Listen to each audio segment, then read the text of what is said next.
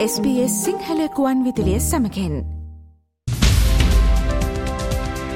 මවබිමින් පුවත් ඔස්ට්‍රේලියාවේ අද උදැස්ස නවද විට ශ්‍ර ලංකාවෙන් වාර්තාාවන ප්‍රධානතම පුවත් කිහිපය මෙන්න. අද අගෝස්තුමාසේ විසි පස්වනිදා අද දවසේත් ශ්‍රී ලංකාවේ සිදුවීම් දෙස අපි අවධානයොමු කරමු. රටේ ජාතික ආරක්ෂාවට බලපාන කාරණයක් සම්බන්ධයෙන් විපක්ෂනායකවරය ඊයේ පාර්ලිමේන්තුවේදී අවධානය යොමු කරා. එතුමා සඳහන් කළේ විවිධ දේශීය සහ ජාත්‍යන්තර මාධ්‍යවල බුද්ධ්‍යංශ උපුටා දක්වමින් සඳහන් කරලා තිබුණා විවිධ ජාතීන් ආගම් කණ්ඩායම් අතර ඝට්ටනයක් සිදුවීමේ හැකියාවක් තියෙන බවට මාධ්‍ය වාර්තා පළ වුණා. මේක ජාතික ආරක්ෂාව සම්බන්ධ කාරණයක් නිසා වහාම සියලු පක්ෂ කැඳවලා මේක ඇත්තද නැත්තද කියන කාරණේ පැහැදිලි කරන්න කියලා රජයෙන් ඉල්ලා සිටිනවා කියලා විපක්ෂ නායකවරයා පාර්ලිමේන්තුවේදී ඊයේ දිනේ අදහස් පළ කළා.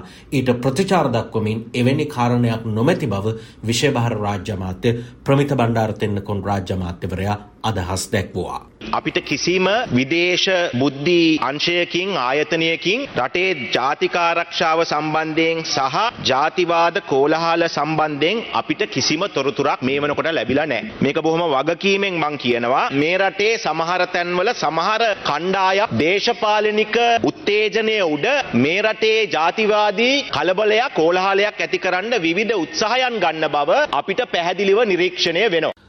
සෞඛ්‍ය ක්ෂේත්‍රයට අදාළ වෘත්තීය සංගම් පහක් එකාසුව ක්‍රියාත්මක කළ වැඩවර්ජනය අද උදෑසන අට දක්වා ක්‍රියාත්මක කරන්න ඔවුන් තීරණය කරලා තියෙනවා. මේ හරහා රෝගී සත්කාරක සේවාවලට යම් බලපෑමක් ඊයේ දිනෙත් සිද්ධ වුණා. පරිපූරක වෛද්‍ය සේවා ඒකාබද්ධ බලමණ්ඩලය තමයි ඊයේ උදේ 8 ඉඳලා අද උදේ අට වෙනකං පෑ විසි හතරක සංකේත වැඩවර්ජනයක් ආරම්භ කරේ.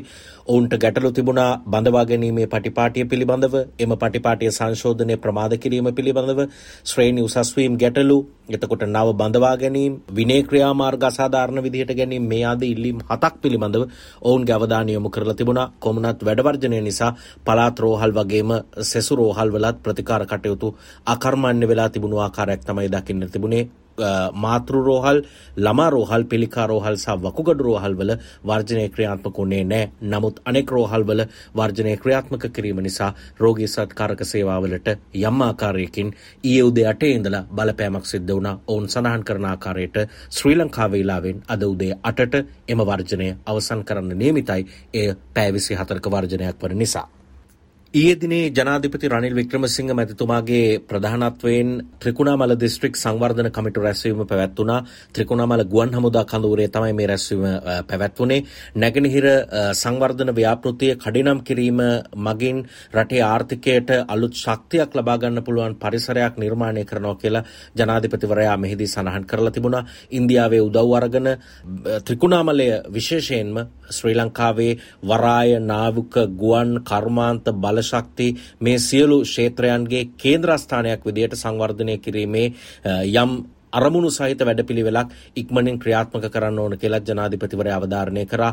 දිස්ත්‍රික්කයේ තියෙන රාජ්‍ය ඉඩම් මහවැලි ඉඩම් මේවා කළමනාකරණය කරද්දී විශේෂ අවධානයක් යොමු කෙරුණා.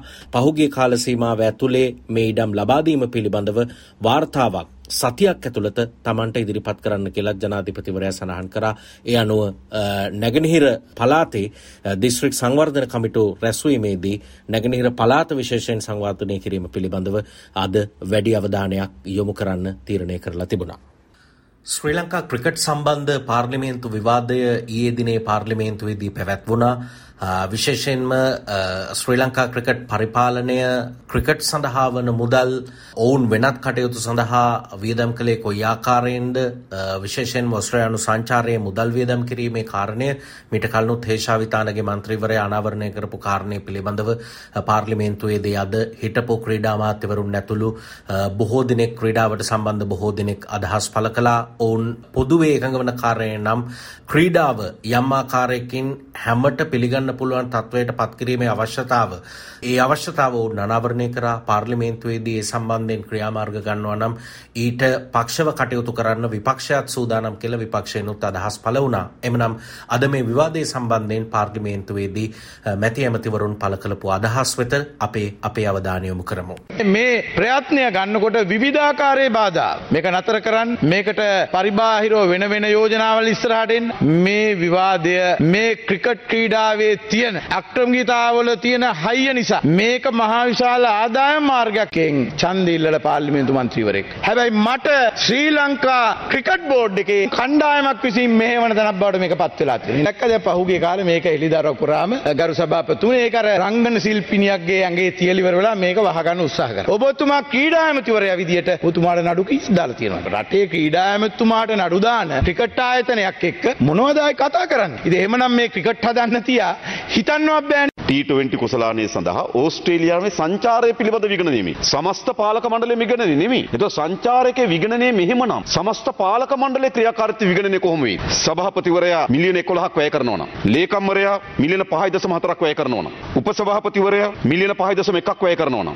උපසභාපතිවරයා ඊළඟ මිලියන 4.7ක් වැය කරනවා නම්. මේ වැය කිරීමේ ආකෘතිය දිහා බලන්න. නාස්තිකාර ක්‍රිකට් ආයතනයේ මුදල් තමන්ගේ පෞද්ගලික කැත්ත මජ්ජර සුඛ විහරණය වෙනුවෙන් වැය කරලා තිබෙන්නේ. සමහරු මේ ක්‍රීඩාමතිකමට කෙලාහලන්නේ පිස්සු බල්ල කෙලහලනවට වැඩිය අසීමිත. මොකද මේ ක්‍රීඩා සංගම්වල තියෙන සල්ලි මේ සල්ලි වලට පුළුවන් තරම් ගන්න. මේක තමයි යථාර්ථය. සමහර වෙලාවට පහුගිය කාලේ අපරාධ පරීක්ෂණ දෙපාර්තමේන්තුවට ගියපුවාම ෆයිල් එක හැංගෙනවා. සල්ලි. මේක තමයි ඇත්ත කතාව.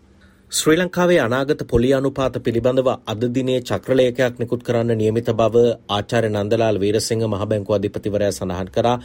කොමුණත් මේ අවුරුද්දේ දෙසැම්බර් මාසයේ වන විට අවම වශයෙන් 3%ක පොලි අනුපාත අඩු කිරීමේ අපේක්ෂාවක් ඇතුළුව මේ සම්බන්ධයෙන් වන කාරණා සහිත චක්‍රලේඛයක් අද දිනේ නිකුත් කරන්න නියමිතයි කියලා මහ බැංකුව සඳහන් කරා. ඔබ දන්නවා පහුගිය කාලේ ඉතා ඉහළ පොලි අනුපාතක තිබුණා.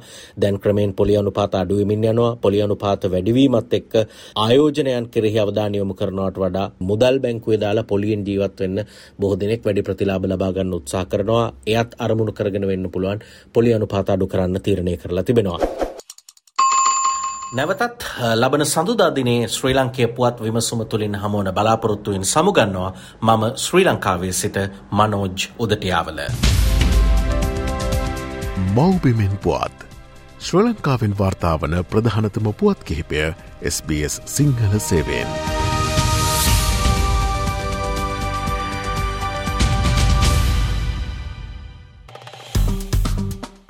ලයි කරන්න ෂයා කරන්න අදහස් ප්‍රකාශ කරන්න SBS සිංහල ෆස්බුක් පිටුව ෆලෝ කරන්න.